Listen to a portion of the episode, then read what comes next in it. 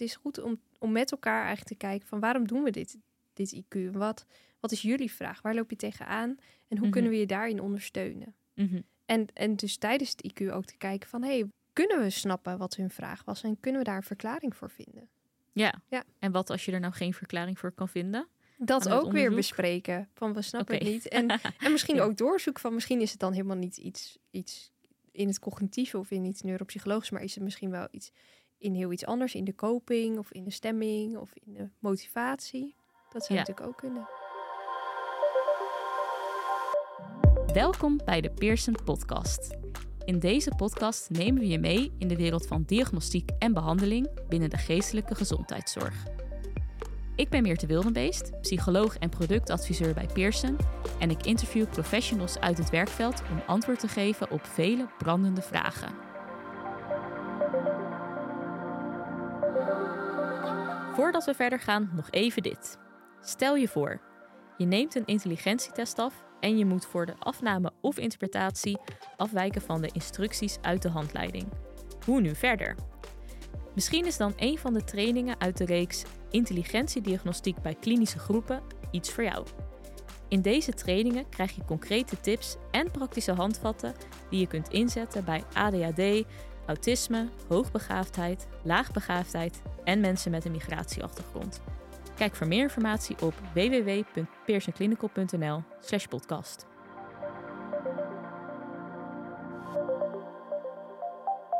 Welkom bij deze podcastaflevering. En we gaan deze aflevering weer een vraag beantwoorden.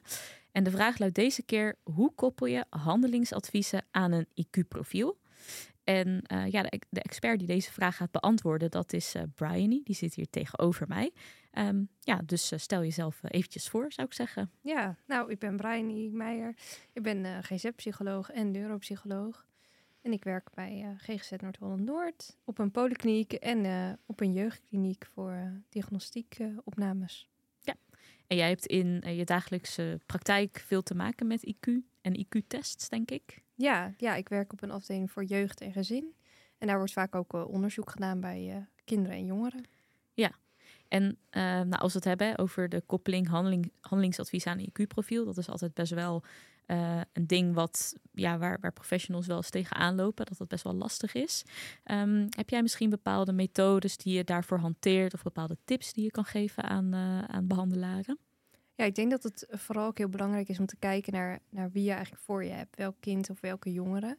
En dat het ook goed eigenlijk al is om vooraf te kijken van wat, wat is de vraag eigenlijk? Waar loopt de school of waar lopen de jongeren of waar lopen de ouders eigenlijk tegenaan? En misschien is ook vooraf al in gesprek te gaan voordat je gaat testen van wat is de vraag van, van deze school, van deze ouders, van deze jongeren?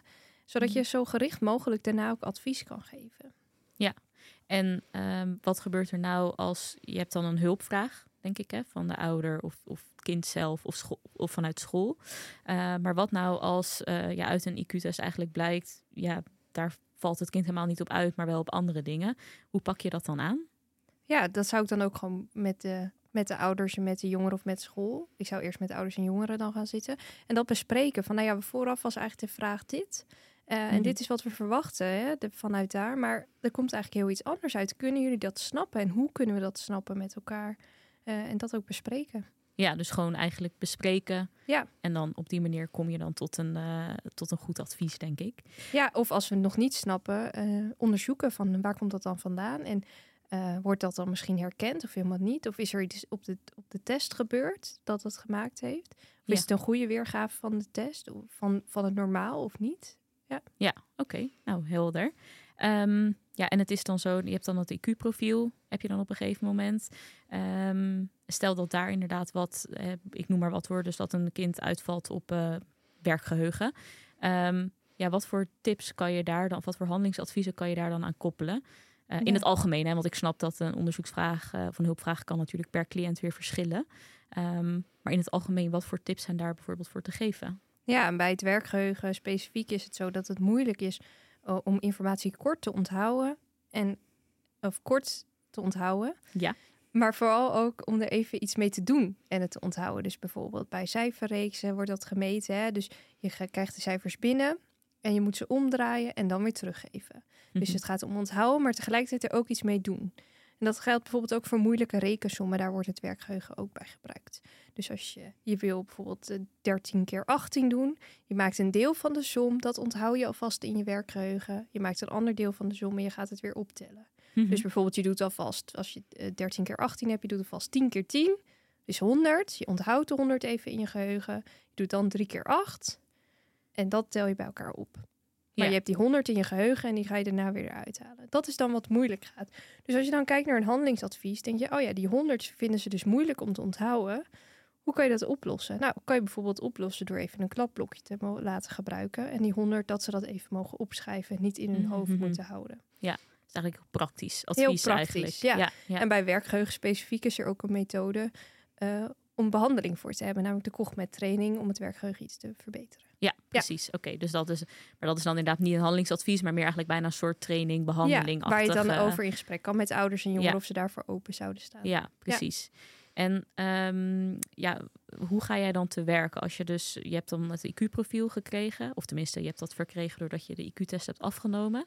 Ehm, ja, hoe kijk je dan echt op subtestniveau waar een kind op uitvalt? Kijk je op eh, indexniveau of kijk je juist naar eh, het IQ als geheel om een, tot een advies te komen? Hoe, welke componenten gebruik je daar allemaal voor? Ja, eigenlijk kijk naar meerdere dingen. Kijk en naar de observaties die ik heb gedaan. Dus eh, heeft dit kind iets anders nodig gehad in de eh, afname dan andere kinderen? En, en waarom heb ik mij aangepast? Eh, was dat iets wat het kind dus nodig had en waar misschien dus diegene bij geprofiteerd kan hebben? En is dat dan ook zo voor scholen? Eh, die zich dus ook misschien zou kunnen aanpassen. Dus stel je voor, ik merk dat ik veel meer pauzes geef, omdat ik merk dat het kind overstroomt, emotioneel raakt. Dan, dan lijkt het me dat school dat misschien ook kan doen, dat het kind daarvan kan profiteren. Hetzelfde geldt als je bijvoorbeeld testing de mythe doet. Dus kind Mhm. die, die je breekt de test af omdat kind nou eenmaal nou ja, zoveel foute scores heeft gegeven. Maar je denkt, nou, het valt me wel op dat als ik misschien, als ik hem wat extra tijd zou geven, het, hem wel zou lukken voor goede antwoorden. Dus je stopt met de stopwatch, maar je laat hem de, de taken wel verder maken. En ineens heeft hij heel veel goede antwoorden. Dan kan je natuurlijk beschrijven van, hé, hey, eh, als je meer tijd geeft, lukt het eigenlijk best wel goed om, om tot goede opgaven te komen of om goede antwoorden te geven. Dus tijd geven helpt. Dus dat is meer vanuit observaties dat je vanuit daar handelingsadviezen geeft. Ja. En verder kijk je naar het hele profiel van waar eh, zijn sterke kanten van het kind en waar zitten misschien de zwakke kanten. En hoe hangen die zwakke kanten misschien ook samen? En wat maakt in die eh, zwakke kanten waar, waar degene nog iets meer eh, hulp bij nodig heeft misschien? Ja. Ja. En, en kan je ook, ehm, want ik weet dat dat wel eens wordt gegeven als algemeen advies van eh, gebruik de sterke kanten om de zwakke kanten te compenseren of zo. Maar dat, dat is best wel vaag, zeg maar. Mhm.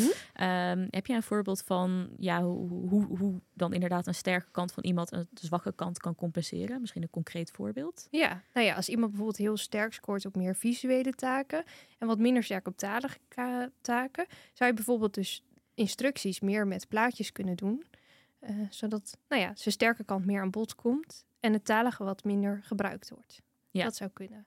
En heeft het dan nog zin om een zwakke kant eh, ja, nog te trainen, zeg maar? Want op die manier ontzie je eigenlijk de zwakke kant. Ehm, maar ja, hoe zorg je dat die zwakke kant, ja, dat daar ook aandacht aan wordt besteed? Of ja, hoe werkt dat niet zo? Ik heb geen idee hoor, maar Ja, ik denk dat je ook wil dat de, de zwakke kant nog meegroeit. Hè? Betekent niet dat Ja. als het moeilijk is, dat, dat je moet stoppen met dat ontwikkelen. nee, precies. Maar het is denken en en. Want het is ook eh, als je te veel belast of eigenlijk overvraagt, kan een kind ook angstig worden, onzeker.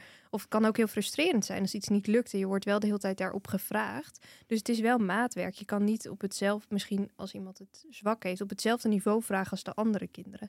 Dus Mhm. ja, je moet het nog bevragen eigenlijk. Je kan het niet helemaal negeren, maar wel op het gepaste niveau van het kind. Wat misschien dus lager ligt dan van andere kinderen van zijn leeftijd. En Ja. het zo stap voor stap misschien uitbreiden of leren. Ja, oké. Ja. Nou, goed om te weten. Hey, en eh, we hadden net heel specifiek een voorbeeld van eh, de werkgeheugenindex, wat je daarvoor zou kunnen doen. Ehm, nou heb je ook eh, in, in bepaalde IQ-tests die fluid redeneren index in zitten. En ik weet dat mensen ja, die index vaak ook ja, lastig vinden om uit te leggen aan ouders. Mhm. Eh, maar dat het ook gewoon sowieso een lastig ja, concept is op een of andere manier. En dat het daardoor dus ook moeilijk is om op, ja, als iemand uitvalt op die factor, om daar handelingsadviezen op te geven. Ehm, ja, wat is jouw ervaring daarbij? Of misschien heb je wel wat handelingsadviezen die ja, helpend zijn bij een minder goede fluid redeneren eh, index. Ja. ja, het fluid redeneren index meet eigenlijk twee dingen. het deductief redeneren en het redeneren met cijfers. Bij de Mhm. WISC 5 dan. Ja. En eigenlijk in het algemeen zegt ze ja, het meet een beetje de vaardigheden om tot oplossingen te komen. En bij de WISC 5 meet het dus, kan ik vanuit iets wat gegeven is, nieuwe, eh, nou ja, verder denken? Kan ik reeksen verder denken? Als ik, als ik A weet, kan ik dan van zelf bedenken wat B zou zijn. Dus het is eigenlijk zelf tot oplossingen komen. Eh, en, te- eh, en dat doen ze met blokken, maar ook dus met cijfers. Ehm, en als je hier laag scoort, betekent dus dat het nieuw bedenken van, van informatie lastig is. Dus als je wel iets hebt, maar je weet niet precies hoe het verder moet, dat dat lastig kan zijn. Ja.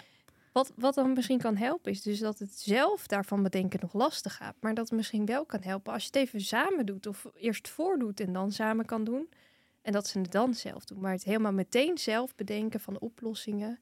Met bijvoorbeeld rekenopgaven of dat soort dingen. Dat is nog lastig. Dus ze hebben dan eigenlijk nog even een ander nodig die het even samen met ze bedenkt. Oké, dus op die manier zou je daar dus mee, eh, mee kunnen omgaan. Ja. En nou bestaat de fluid redeneren factor uit, of fluid redeneren index moet ik eigenlijk zeggen, bestaat uit verschillende subtesten. Ja. Ehm, komt het ook wel eens voor dat die subtests elkaar tegenspreken? Dus dat eh, eh, de ene subtest wordt heel hoog gescoord en de ander laag. Ehm, en, en die lage die zorgt dan eigenlijk voor de lage score hè, voor de index als geheel.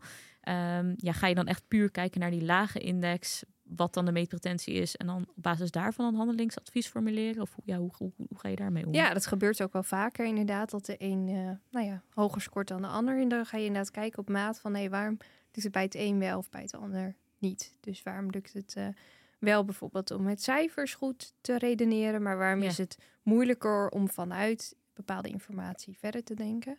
Mhm. En wat ook een groot verschil maakt, in ieder geval bij de WISC, bij dit onderscheid tussen deze testen, is dat de een met eh, tijd is en de ander niet. Dus daar kan misschien ook het verschil in zitten. Dus als er tijdsdruk onder zit, dat het dan lastiger juist wordt. Van, oh ja, ik moet snel reageren, ik moet snel een antwoord formuleren.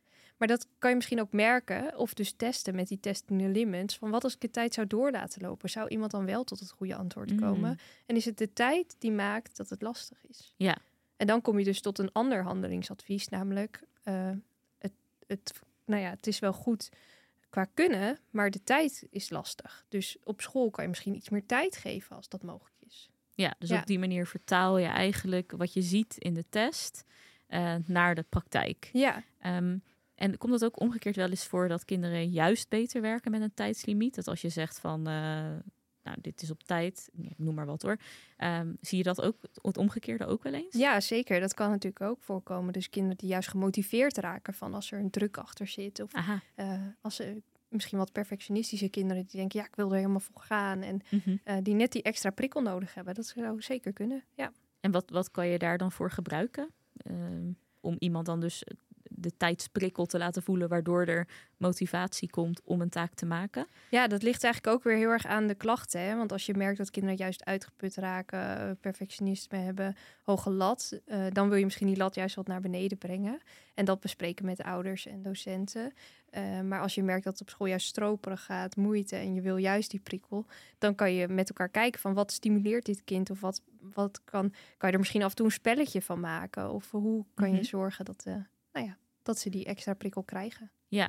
En ik kan mij ook voorstellen dat, ehm, ja, dat ouders misschien ook iets meer tijd ervoor hebben dan soms de leerkracht in de klas. Ja, hoe zorg je dat die handelingsadviezen dan eh, dus niet alleen bij ouders bijvoorbeeld terechtkomen, maar ook in de, ook in de klas? Ja, hoe door gaat toch dat? te kijken of daar een, eh, als ouders dat goed vinden, hè, en die is ook een jongere als ze wat ouder zijn, Ja. eh, toch met school ook te gaan zitten. Van wat zijn de mogelijkheden op school en ja, kan dat? Kunnen zij aanpassing bieden en in hoever kan dat? En wat wordt er dan gevraagd van de jongeren of van de ouders van het kind? En wat wordt er gevraagd van school? En is jouw ervaring dat eh, ja, leerkrachten daar eh, ja, open voor staan, dat ze er tijd voor hebben? Eh, omdat ja, we horen nu in het nieuws natuurlijk telkens dat de klassen alleen maar voller raken en dat tegenwoordig heel veel leerlingen wel weer iets hebben ja, waar, waar, waar rekening mee moet worden gehouden. Eh, wat is jouw ervaring daarbij? Ja, mijn ervaring is wel dat er vaak wat ruimte is, maar ik werk ook met een doelgroep die vaak al heel erg vastgelopen is Aha. op school. Dus dat Mm. ze dan eigenlijk alles wat zou kunnen helpen om, om de kinderen weer tot leren te komen, dat ze daar heel erg voor openstaan. En dat ze graag ook handvatten willen.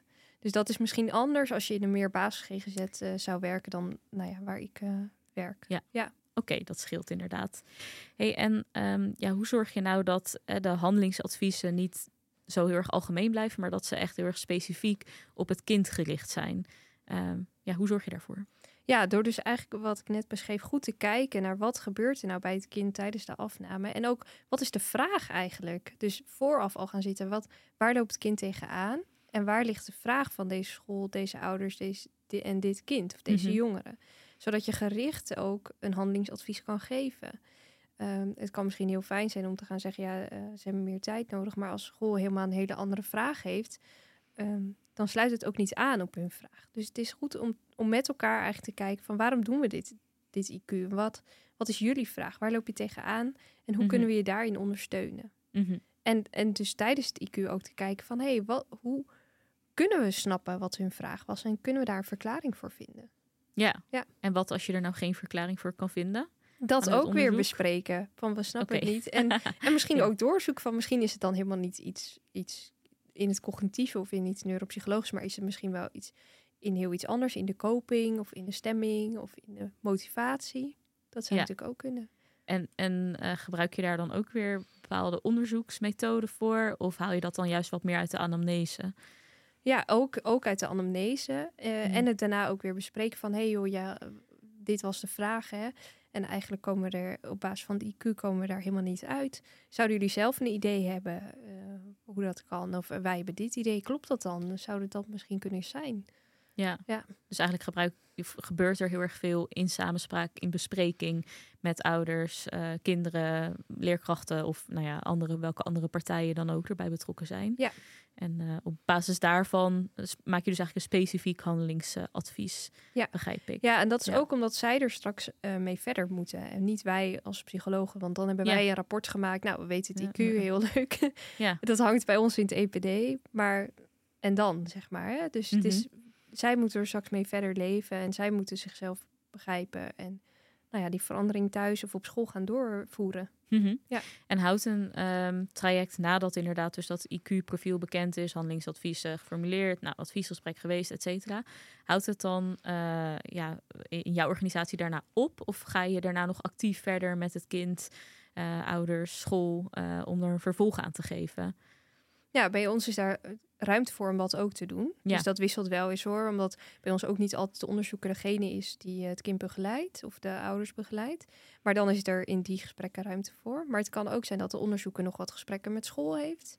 eh, of nog wat langer met de jongeren gaat zitten om te kijken van hey, is het gelukt om nou, bijvoorbeeld meer tijd in te lassen of dat soort dingen. En heb je misschien nog, ehm, ja, ik, de handelingsadviezen die je formuleert, doe je natuurlijk op basis van het profiel. Maar zijn er misschien ook nog handige ja, bronnen of sites of boeken waar eh, professionals inspiratie uit kunnen halen? Heb je daar misschien tips voor? Ehm, nou, ik zit even te denken. Ja, dat mag. Ja. of ik iets specifieks heb. Ehm, nou, ik weet eigenlijk niet zo 1, 2, 3 en specifiek. eh, Ik zou gewoon heel erg kijken naar het kind en ook hoe je Ja. jezelf eh, opstelt. Dus in zo'n testsituatie en wat je merkt dat jij aanpast in, in gedrag. Ja. En eh, ja, daar zou ik heel erg op letten. Ja. ja. Dus het is niet dat je een standaard lijstje eigenlijk gebruikt. Je kijkt gewoon heel erg naar eh, de casus specifiek. Ja, Ja. ja. ik gebruik inderdaad geen standaard eh, lijsten. Nee. Nee, Ehm, en eh nou kan ik me voorstellen, jij zei al van, eh, jij werkt dan ook met een doelgroep eh, waar die al zijn vastgelopen. Ehm, ja, om een handelingsadvies te, te genereren, of te genereren om die te formuleren. Ehm, kijk je dan juist heel erg naar het IQ-profiel? Of kijk je dan bijvoorbeeld ook heel erg naar de diagnose als die er zou zijn? Of kijk je dat dan juist samen? Ja, hoe, hoe is, is die wisselwerking? Ja, ik denk heel erg samen ook. Het, het is een kind misschien met een diagnose. eh, maar ook daarin zit natuurlijk heel veel verschil. Het ene kind die ADHD heeft, is ook weer niet het andere kind met ADHD. Dus daarin kijken we ook wel heel erg eh, persoonlijk. Maar er zijn natuurlijk wel meer algemene eh, dingen die mensen met ADHD en dus met aandachtsproblemen kunnen helpen. En zeker als je dan het IQ erbij neemt en daarin ziet van, oh ja, ze hebben inderdaad moeite om de aandacht op mij te richten. Eh, zelfs in een één op één setting soms, dan kan het helpen om bepaalde dingen te doen. Ja. Dus om afleiding weg te halen of eh koptelefoon te dragen. Ja. Dat soort. eh, ja, handelingsadviezen kunnen dan wel gegeven worden. Ja. Dat is dan bijvoorbeeld bij ADHD het geval. Maar heb je ook dat soort handelingsadviezen bij kinderen met bijvoorbeeld autisme? Of welke andere uh, aandoening dan ook? Ja, en in autisme valt het eigenlijk nog meer uit elkaar. Ja. Uh, er zit eigenlijk nog meer verschil vaak tussen jongeren met autisme of kinderen met mhm, autisme. Mhm. Waardoor het specifiek voor de doelgroep uh, geven lastig is. Maar ook daar kan je wel soms zien in de observaties al waar een kind gebaat bij is. Dus bijvoorbeeld meer tijd nodig soms. Of uh, snel overprikkeld door veel informatie kan veel voorkomen. Waardoor je dus aan school of aan ouders of aan de jongeren zelf kan meegeven van... hé, hey, hoe kan je dat minder voor jezelf maken? Of in ieder geval in balans brengen. Dat, dat overprikkeling of, of prikkels en uh, rust in balans komen. Maar dat je wel nog aan schoolwerk kan. ja. En hoe ervaren jongeren uh, handelingsadviezen als je die geeft? Uh, jongeren of kinderen, vinden ze dat juist fijn? Vinden ze het juist niet fijn? Ja, hoe, hoe reageren zij in het algemeen? Nou, meestal vinden ze het wel fijn om het uh, in gesprek samen te doen. En dat ze ook mhm. denken, oh, misschien kan ik er zelf ook wat aan doen. Dus dat is wel nou ja, mooi om te zien dat ze ook nou ja, niet alleen afhankelijk van anderen zijn, maar dat ze ook merken van nee, ik kan zelf hier ook iets in doen. En ik kan misschien ja. rust inlassen of ik kan bijvoorbeeld vragen of aangeven van, oh ja, ik heb moeite met de dingen zelf bedenken. Dus uh, ik heb vaker, wil vaker dat we het samen kunnen doen. Of ik heb wat meer tijd nodig. En dan kunnen ze soms aangeven in de klas mhm. van, uh, ik heb nog iets meer tijd nodig. En dat ze dat ook wat meer zelf leren en zelf in de hand hebben. Vind ik ja. vaak wel fijn. Ja, oké, nou dat is goed om te horen. En nog, uh, nog een laatste vraag. Ja, wat als um, nou blijkt dat een handelingsadvies niet werkt? Wat doe je dan? Ja, dan zou ik eigenlijk ook weer in gesprek gaan van, nou ja, niet alles zal bij iedereen ook werken. Mhm. En dat mag natuurlijk ook. Dus je kan dan kijken van, nou ja, dit heeft niet voor jou gewerkt. Wat zou je wel anders willen? Of wat, wat past misschien beter bij jou? Uiteindelijk is de cliënt expert over zichzelf. Uh, dus die weten vaak ook wel goed wat, wat voor hun prettig is. Ja. Ja, mooi om mee af te sluiten inderdaad. De cliënt is uiteindelijk de expert uh, van zichzelf. Uh, nou, Brian, hartstikke bedankt voor deze informatie. Ik denk dat er heel veel waardevolle tips bij zaten. Dus dank je wel. Ja, graag gedaan. Jij ook bedankt.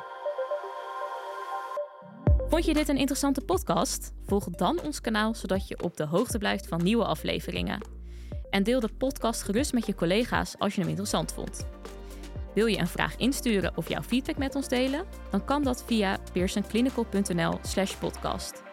Daarnaast hebben we ook een speciale actie voor onze podcastluisteraars. En deze is te vinden op dezelfde site, dus pearsonclinical.nl/slash podcast.